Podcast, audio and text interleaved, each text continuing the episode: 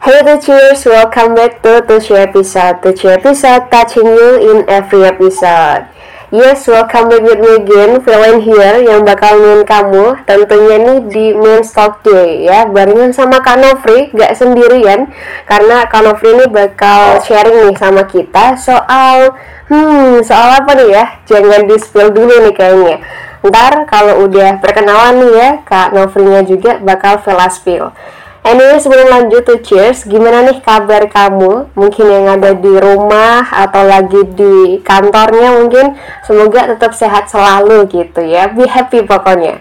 Oke, okay, kalau gitu Kak Nofri juga udah join nih sama kita. Halo Kak Nofri, gimana kabarnya? Halo Bella, halo teman-teman semuanya.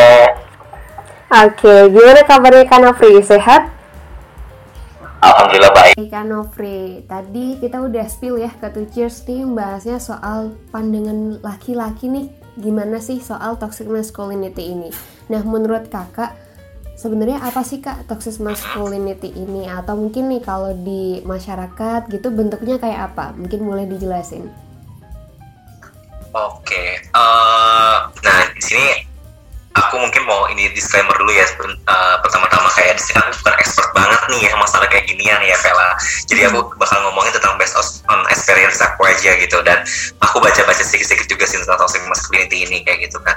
Nah uh, kalau misalnya dibilang apa ya toxic masculinity itu tuh kayak sebuah definisi yang dipersempit untuk para, para lelaki.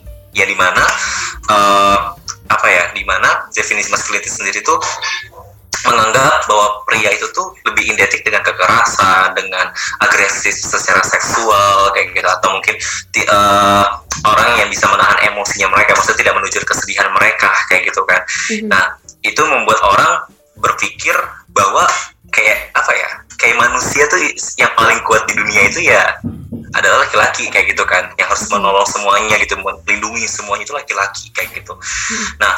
Uh, jadi yang membuat orang-orang tuh kayak apa ya membuat ini masuk ke yang ke masyarakat contohnya ya. Membuat orang-orang tuh kalau misalnya laki-laki kayak misalnya uh, ngerjain pekerjaan rumah kayak gitu Vela. Kayak ngerjain pekerjaan rumah uh, masak nyapu ngepel hmm. kayak gitu. Atau apa namanya kayak sering di rumah aja atau skincarean kayak gitu. Itu dianggap adalah ya nggak cowok banget kayak gitu. Okay. Nah ini membuat toxic masculinity ada kayak gitu ya di mana orang terlalu beranggapan cowok itu tuh harus yang bener-bener maco banget gitu ya, maco banget kayak gitu misalnya atau terus atau yang harus sering main bola, nggak skincarean mungkin sering jemuran hitam kayak gitu gitu. Itu tuh yang bikin orang uh, beranggapan cowok itu seperti itu yang membuat orang yang laki-laki yang tidak seperti itu menjadi toxic gitu loh, Vel. Karena uh, terlalu dituntut sama orang lain itu harus menjadi cowok yang kuat kayak gitu. Itu sih. Kalau menurut aku sih gitu ya. Uh, toxic masculinity dan juga contoh contoh-contoh yang ada di masyarakat kayak gitu sih. Oke oke sih, aku udah mulai nangkep nih Vela dan Tucirs nih juga ya.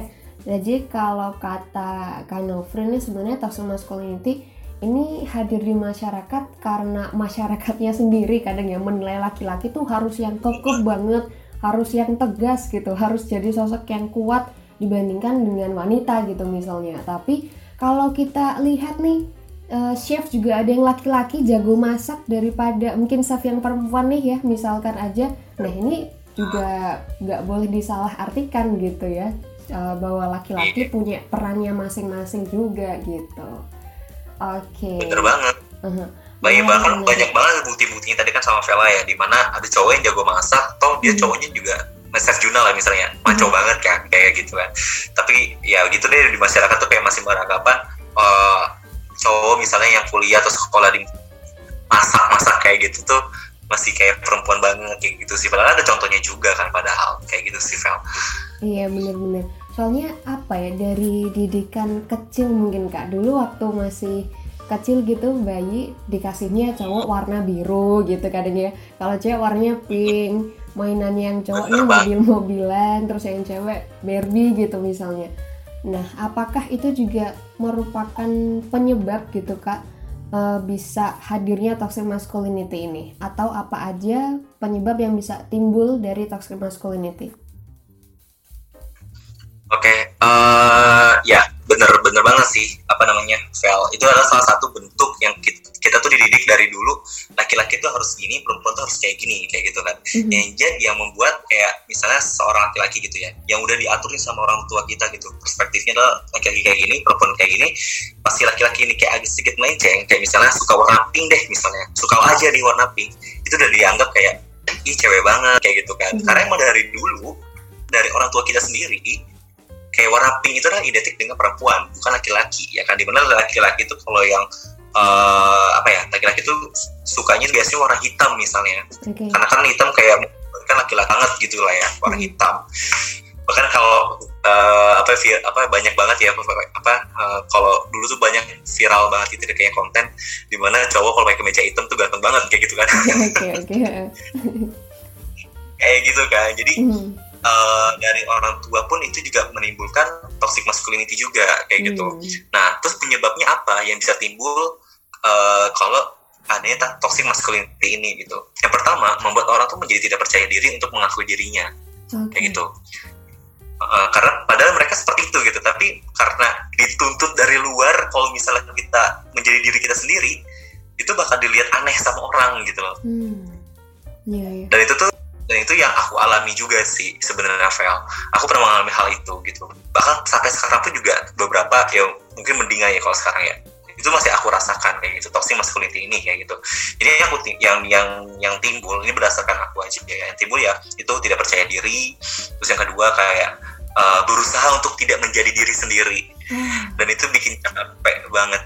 Jujur aja nih Vel. Kayak capek banget. Karena kan kita udah seperti ini gitu kan. Kita udah menjadi sosok laki-laki yang mungkin dihadap dianggap orang gitu nggak biasa gitu kan. Tapi uh, pas kita berusaha untuk berubah kita yang capek gitu. Hmm. kayak kita yang nggak comfort gitu kita nggak nyaman gitu. Orang-orang yang uh, terkena toxic masculinity itu seperti itu sih biasanya. Dia nggak nyaman dia nggak percaya diri juga dia tidak berusaha untuk mendengar apa kata orang oh laki-laki harus kayak gini yaudah gue kayak gini deh gitu. Padahal dia sukanya ini kayak gitu gitu. Gitu sih dan banyak tekanan jadinya gitu biasanya. Gitu sih Fel. Oke siap siap.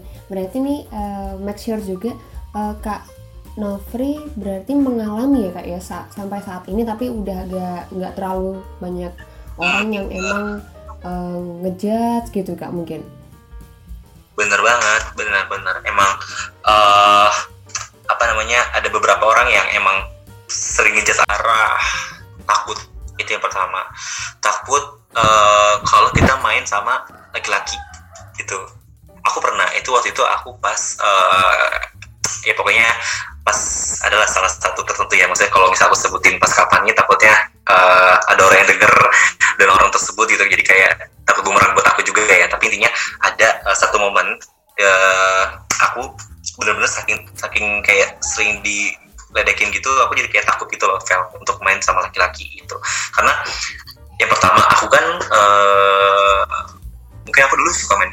ya tapi pas SMP sejak SMP aku kayak sama sekali gak main sama sekali gitu gak main bola sama sekali dalam macam bla bla bla. Nah di situ itu membuat aku tuh juga minder. Ditambah lagi ya emang aku sering bilang kayak Ih, lu main sama cewek mulu lu kayak cewek banget sih kayak gitu segala macam bla bla bla. Nah itu bikin aku jadi minder dari segi sosial ya. Dari segi uh, sosial aku sama laki-laki kayak gitu. Di mana kayak wah gue bukan tipe main mereka nih teman main mereka kayak gitu. Dan pas aku mau masuk ke sana itu pun juga kayak aku ini jadi minder kayak merasa tersudutkan gitu loh. Karena hmm. pandangan mereka yang menurut aku kayak cukup aneh kayak gitu. Aku memandangnya seperti itu ya kayak Ay, si Novrin main gitu-gitu. Apalagi kalau pas aku melakukan hal yang kayak laki-laki banget dulu ya itu tuh kayak bener-bener kayak di ledekin gitu loh kayak tau gak sih? Hmm. gila lu bisa banget lu wih wih bisa juga lu kayak gini-gini segala macam bla bla. Tapi itu membuat aku kadang-kadang sakit hati sih kayak ya emang apa kayak gitu. Emang kenapa sih? Kayak gitu. Gue bisa kayak gini emang kenapa? Kayak gitu gitu kayak gitu sih Vel. Jadi kayak uh, lebih ke arah minder juga. Terus sama takut sih takut untuk bersosial ke laki-laki gitu. Tapi itu dulu ya.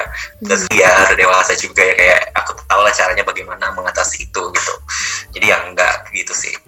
Gitu Vel siap siap. Wah menarik juga nih kak ya bahas hal-hal yang emang relate gitu sama kadang pribadi kita tuh kayak gimana sih cocoknya kenal sama orang tuh yang gimana sih gitu ya kak ya? Oke okay, okay. nah kalau tadi uh, Kak Novri juga spill gitu soal uh, takut ya takut nih dari uh, pandangan laki-laki gitu. Nah kalau misal dari wanita mungkin kak uh, itu menurut Kak Novri ada dampaknya nggak kalau misal kita ada menemui toxic masculinity ini? Uh, aku nggak tahu sih ya. Uh, mungkin uh, aku belum pernah melihat perempuan yang seperti itu juga sih. Maksudnya yang benar-benar ngomong ke arah toxic masculinity ke aku kayak gitu. Kayak ngatain gitu lah enggak sih. Kalau perempuan justru malah perempuan uh, yang membuat aku jadi main sama cewek itu karena perempuan tuh bikin aku nyaman gitu loh. Mm-hmm. bermain sama mereka tuh bikin aku nyaman buat aku cerita buat aku ngobrol buat aku kayak aku lagi sedih aku cerita kayak gitu tuh aku merasa perempuan tuh menjadi uh, sosok pelindung aku gitu loh. Mm-hmm. bukan pernah ya pelindung dan penenang lah istilahnya kayak gitu kan uh, apa namanya? Sebeda bukan beda sama laki-laki sih. Nah itu yang membuat aku jadi kayak belum pernah ada sih uh, stigma negatif aku uh, ter terhadap perempuan tentang toxic masculinity ini kayak gitu. Kayak dan belum ada yang ngatain aku juga sih belum ledekin kayak gitu. Bahkan kayak selama aku main kayak gitu kalau aku main sama perempuan itu pasti kayak langsung nyambung kayak gitu gitu loh. Jadi kayak nggak ada sih uh, kalimat yang mungkin mungkin ada ya dalam hati mereka tapi mereka nggak ngungkapin aja gitu. Dan nggak terdengar aja telinga aku kayak gitu gitu sih. Jadi kayak uh, menurut aku sih nggak ada ngaruhnya ya. Tapi nggak tahu nih kalau orang lain kayak gitu kan. Mungkin orang lain beda kali ya gitu Oh, topik ini juga relate gitu kak. Gimana sih cara nemuin awareness gitu ya, kesadaran ke publik nih, biar toxic masculinity ini bisa teratasi gitu. Mungkin baik dari segi uh, personalnya orang yang merasakan itu, atau mungkin dari masyarakatnya tuh gimana gitu cara dia bisa uh, bersosialisasi gitu, atau mungkin mengkomunikasikan kalau aku dulu itu kan uh, yang aku bilang tadi ya aku kan dulu juga sempat terkenal toxic masculinity juga kan di mana cowok harus kayak gini gini gini gini kayak gitu kan. Dan aku sampai sempet aku berpikiran kayak sebelum aku kuliah tuh aku sempat mikir kayak ah kayaknya gue harus aku harus ini deh harus ya kesepil dong ya waktunya kapan ya? Ya pas aku mau kuliah aku tuh sempat kepikiran kayak ah kayaknya aku mau jadi ya bener-bener cowok banget deh kayak gitu. Bahkan aku sampai ngomong ke temanku kan kayak wah aku nggak mau nih kayak dulu lagi nih kayak gitu kan. Hmm. akhirnya udah nih aku berusaha tuh kayak gitu. Dan akhirnya aku tidak, tidak menemukan titik comfort aku gitu kan uh, ini maksudnya kasus dari kasus aku dulu ya. Hmm. uh, aku tidak menemukan comfort aku di sana kayak gitu. Kayak aduh kok jadi begini ya? Aduh kok jadi kayak aku merasa ini bukan diri aku kayak gitu kan. Dan atau aku merasa kayak gak nyaman segala macem bla bla bla kayak gitu. Dan dan akhirnya membuat aku terlalu memaksakan diri gitu kesannya gitu. Bahkan di di sosial media pun aku juga kayak memaksakan diri gitu loh. Padahal orang tahu aku kayak gimana orangnya gitu. Aku nyablak atau kayak gimana gimana kayak gitu. Tapi gara-gara aku mau kayak gitu membangun branding aku aku menjadi kayak orang yang beda banget kayak gitu. Dan ya kayak aku merasa kayak terpak memaksakan diri gitu loh kayak aduh aku suka nih kayak gini cuman aku harus mau menahan dulu deh tahan dulu tahan dulu kayak gitu. Dan akhirnya aku menemukan titik di mana uh, aku nggak bisa kayak gini terus kayak gitu. Aku merasa uh, diri aku tuh bukan seperti ini kayak gitu nah dari situlah aku punya prinsip gitu. Oke okay, uh, ternyata ngikutin orang lain perkataan orang lain itu tuh nggak nggak selalu benar gitu. Ya mungkin ada benarnya tapi nggak selalu benar kayak gitu. Nah dari situlah aku mikir gini kayak ya udah aku nggak akan mau dengerin omongan mereka terserah gitu. Maksudnya kayak pandangan mereka sebagai lelaki itu eh, ke lelaki itu seperti apa baik itu perempuan atau laki-laki ya. Itu gimana aku nggak peduli penting aku kayak gini kalau lo nggak nerima gue ya udah lo pergi kayak gitu. Kalau yang penting gue akan berusaha baik sama lo kayak gitu. Dan apa ya lebih mencintai diri sendiri sih kayak ya udah yang tahu diri lo tuh lo sendiri gitu bukan orang lain kayak gitu. Nah mungkin cara kita menemukan aware ke masyarakat itu seperti itu sih kalau menurut aku. Mungkin kalau teman-teman yang denger nih ada yang merasakan kayak aku ya udah intinya tuh harus kita tuh harus mencintai diri sendiri harus eh, nggak uh, usah dengerin omongan orang lain kalau emang itu menurut lo nggak nyaman kayak gitu dan itu arahnya negatif ya. Nggak harus kayak main bola atau gak harus yang identiknya yang benar-benar terlihat kuat banget enggak tapi menurut aku cowok itu dilihat dari tanggung jawabnya kayak gitu. Tanggung jawabnya kepada perempuan tanggung jawab kepada orang tuanya keluarganya udah itu aja. Selagi lo punya tanggung jawab di situ bangga sih? Mm-hmm. harus beranggap seperti itu. Jangan sampai uh, stigma dari orang-orang tuh dimasukin ke dalam diri kita. Gue harus kayak gini. Gue harus kayak kayak kayak apa namanya? Uh, harus kuat harus keker harus nggak boleh cengeng kayak gitu-gitu. Itu nggak cowok juga boleh nangis kayak gitu. Jadi ya uh, mencara menumbuhkan awareness seperti itu sih. Ngomongin tentang self, self love aja gitu cintai diri sendiri dan mengenal diri sendiri tanpa harus kita dengar orang lain. Kayak gitu sih. Dan kalau untuk uh, kepada masyarakat yang emang sering ngata bukan ngatain apa ya mencap bahwa lo tuh bukan laki-laki banget. Ya ya apa ya harusnya mereka ngaca sih. Maksudnya mereka bercermin juga gitu. Kayak apakah aku sebagai laki-laki juga udah sempurna? Kayak gitu. Apakah aku sebagai laki-laki uh, udah sesempurna itu? Sampai kita tuh mau ngomong lu nggak laki banget kayak gitu. Kayak misalnya ada laki-laki main sama perempuan gitu. Apakah dia nggak mengaca dulu gitu kayak apakah gue juga punya teman laki-laki eh teman cewek juga? Kayak gitu. Apakah kalau misalnya gue punya teman cewek berarti gue cewek juga dong? Eh bukan laki banget dong.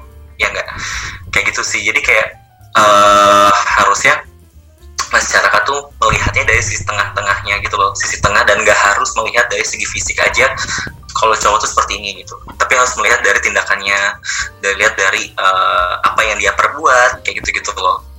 Jadi ya gitu deh. Pokoknya kan banyak banget ya. Maksudnya uh, yang terlihat maco tentunya main sama perempuan juga.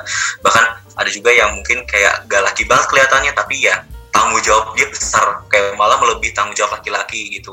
Dari cara dia bekerja dari cara dia uh, apa namanya dari cara dia bertanggung jawab ke orang lain ke pasangannya dia atau mungkin ke orang tuanya dia ke keluarganya dia itu melebihi dari laki-laki lainnya kayak gitu. Yang mungkin masih males-malesan kayak gitu-gitu.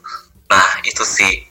Itu yang uh, menurut aku yang butuh ditumbuhin awareness dari masyarakatnya sih Vel. Oke siap. Keren keren kak. Aku sampai tadi uh, ini dengerinnya sambil ngangguk-ngangguk ya. Bener banget nih. Ya bener juga nih kata kak Novri oke siap siap. Uh, cukup ini ya kayak melebar gitu ya. Uh, tadi bahasnya juga ke self love nya gitu. Bagi mungkin enggak laki-laki aja tapi ya perempuan juga gitu. Ini lagi ya ke konsep diri gitu ngenalin diri kita tuh sebenarnya kayak gimana sih gitu. Selain self love tadi ya, Kak Nufri juga nyebutin kalau jangan dengerin omongan orang gitu biarlah kita ini hadir um, kalau laki-laki dilihatnya dari tanggung jawab gitu nggak hanya dari fisiknya aja.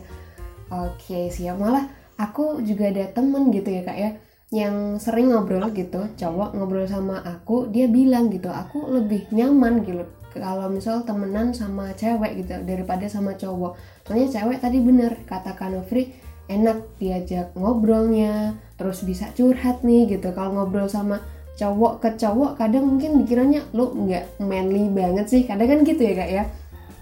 Uh, sedikit-sedikit curhat gitu. Tapi ya nggak apa-apa cowok nangis biasa aja cuy gitu. Malah nangis kan termasuk yang natural gitu manusiawi juga kalau misal kita nangis. Oke gitu ya teman-teman. Nih ya, dari podcast juga bisa menumbuhkan awareness nih jadi tuh hmm, benar. Uh -uh, dan dengerin ini mungkin boleh di share ke temen yang lain gitu. Oke okay, benar mengenai kak selanjutnya nih hmm, kepo juga kalau misalnya nih ada orang terdekat nih dari kita terus dari mungkin pelakunya gitu. Pelakunya nih uh, ibaratnya yang ngejudge tadi gitu ya ataupun korbannya gitu si lelakinya dalam lingkungan toxic masculinity ini itu kita harus apa kak kalau ada melihat hal seperti itu? Hmm, Oke, okay. uh, eh, kalau menurut aku ya, menurut aku ya pernah pernah menjadi korban hal toxic masculinity ini, yang aku butuhin itu tuh untuk orang sekitar tuh biasanya adalah dukungan sih. Dukungan kayak di saat aku udah apa ya ini sebagai sebagai tak dulu ya sebelum jadi korban dan pelaku juga ya. Nah orang terdekat sih menurut aku sih kayak ya memberikan dukungan gitu kepada si korban kayak gitu. Kayak pertama kayak ya udah eh lu gak usah dengerin orang lain deh kayak gitu. Lo tuh udah menjadi diri lo sendiri gue udah senang banget sama lo maksudnya udah udah nyaman temenan sama lo kayak gitu.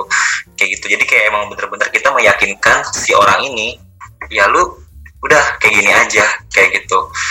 Ya penting uh, lu tuh nggak nggak ke mana-mana kayak gitu. Yang penting ya lu cuma kayak gini doang kayak gitu. Cuma dari sifat aja lu kayak gini lu nyaman sama cewek ya udah.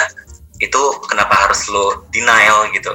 Dan mungkin diingatin juga kayak kalau lu semakin ngelawan ya itu akan semakin capek kayak gitu mau sampai kapan gitu kan. Sampai lo bener-bener stres banget gitu. Dan mending mending mending pas stres lo bisa sembuh bukan sembuh ya berubah. Kalau misalnya enggak makin stres lagi kayak gitu gitu mungkin kayak lebih diingetin seperti itu aja sih. Terus kayak kalau misalnya temen dekatnya nih denger omongan orang tentang dia ya udah. Terus dia denger ya udah kayak bener-bener tenangin gitu kayak udah lu nggak usah nggak usah dengerin omongan dia segala macem bla bla bla. Dan bahkan mungkin uh, teman terdekatnya juga bisa aja ngomong ke pelaku juga. Bahkan aku sempat terharu juga ya uh, ada teman aku juga temanku cowok sih. Dia melihat aku digituin bukan melihat sih ya melihat dan mendengar juga ya. Aku digituin dan dia tuh diam-diam maksudnya kayak uh, si temanku ini ngasih tahu ke si pelaku kayak gitu kayak harus si Novi jangan kayak gitu gitu kan. Ah, jangan gitu sama Novi kayak gitu gitu kan. Uh, walaupun si Novel orang yang suka bercanda emang aku suka orang suka bercanda kan walaupun aku sakit hati digituin cuman kayak aku selalu menganggap bercanda aja gitu kayak oh bisa aja gitu gitu kayak bercandain aja gitu.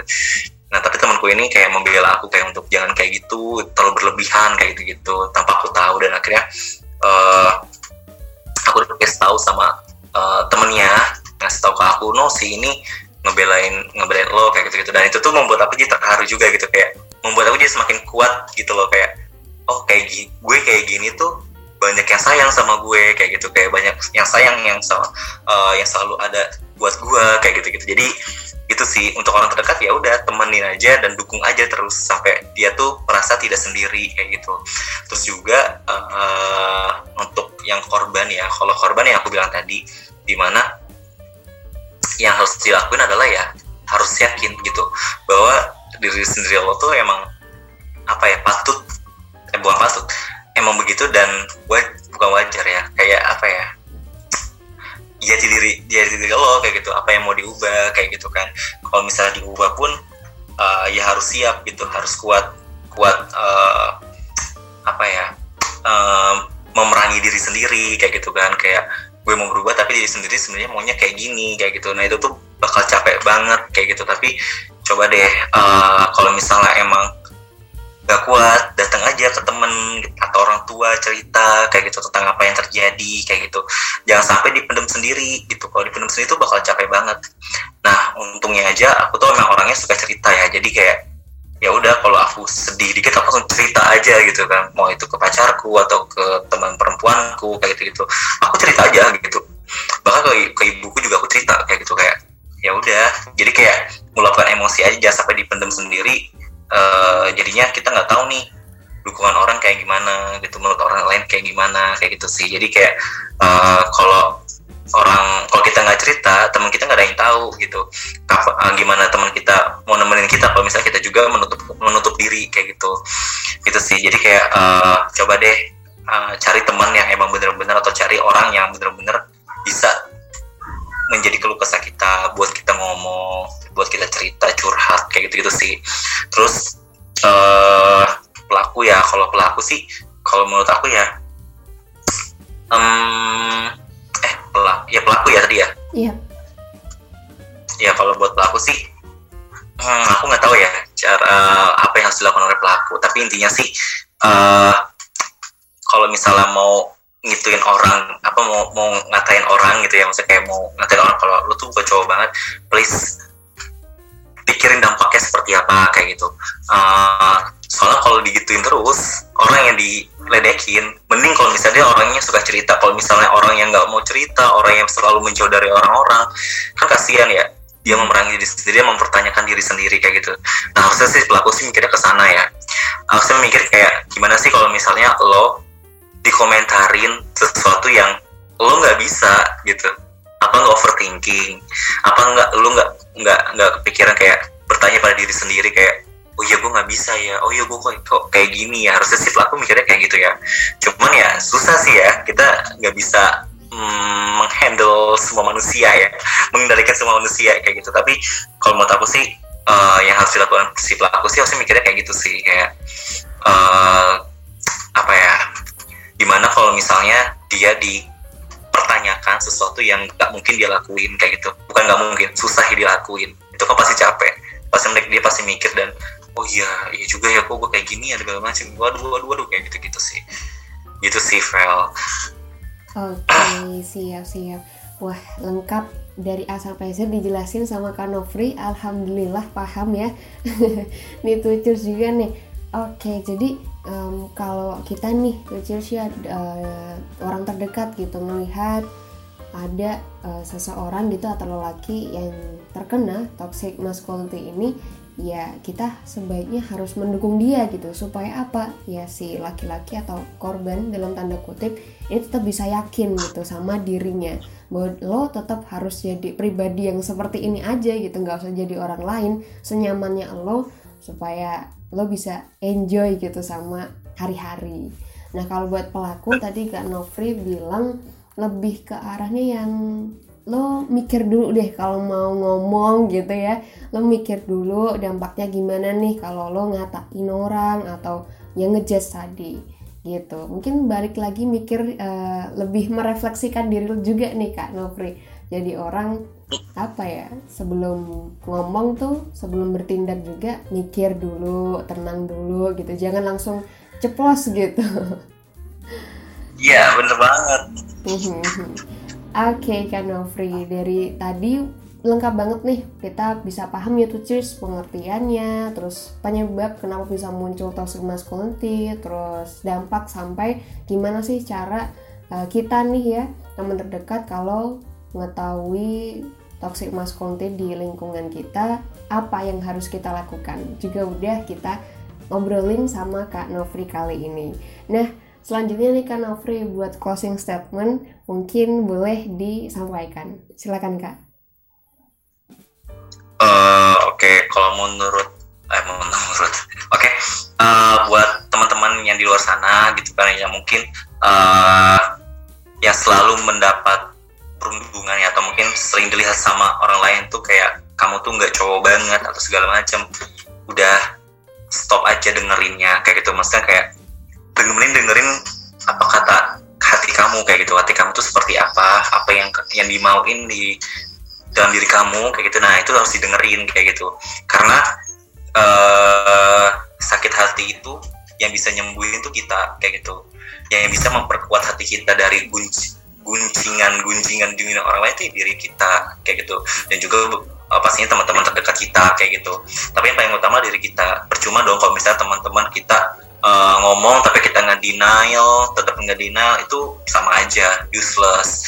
Tapi ya kalau misalnya kita menerima terus kita dengar teman-teman dekat kita mendukung kita kita juga menerima itu juga akan apa yang kita rasakan di hati kita sakit tuh lama-lama juga udah kayak ya udah aku kuat gitu aku nggak peduli gitu. Yang dan bahkan yang harus kita lakukan mungkin kita nggak mungkin balas dendam dengan secara fisik kayak misalnya mukul atau segala macam buat apa juga ya.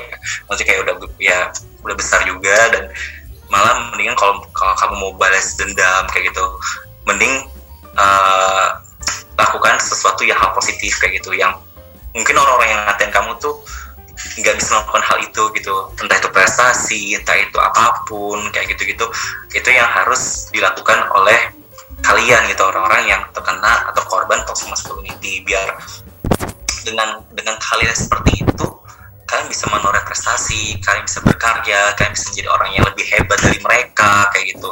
Yang mungkin aja dengan biasa itu orang tuh melihat kesuksesan kita tuh akan bungkam juga gitu. Uh, semakin kita sukses, semakin mereka bingung mau nyari kesalahan kita di mana lagi kayak gitu. Asalkan kita punya attitude yang baik juga sih pastinya. Kita nggak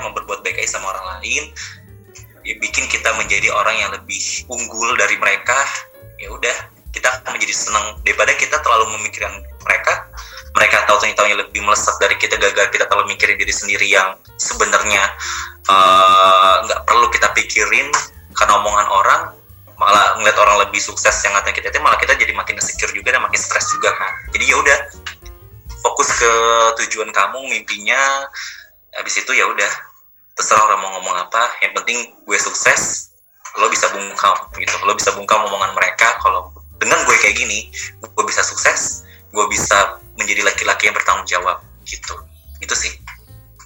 Siap siap siap. Oke jadi to cheers ya juga kalau ntar nih kita ada di posisi atau uh, ya ada di posisi atau bahkan menemui gitu ya toxic masculinity ini lebih ke arahnya yang ya udah gitu. Lo jadi pribadi yang lebih unggul tadi disebutin sama Kak Nufri uh, fokus sama tujuan hidup lo apa usah dengerin omongan orang lain gitu biar lempeng-lempeng aja nih hidup gitu. Soalnya yang mengatur hidup kita juga diri kita sendiri gitu ya nggak orang lain. Ha, bener banget. Lo mau apa aja ya udah silahkan gitu. Tapi ya sebagai manusia gue tetap bakal baik sama orang lain. Tapi kalau lo mungkin nggak baik sama gue ya gue bakal ya udah gitu kadang ya kayak mm, ya udah gue tetap baik tapi mm. gitu. Ya udah berarti gue bakal buktiin kalau gue lebih sukses gitu. Oke okay, mantul banget nih kata kak Nofri.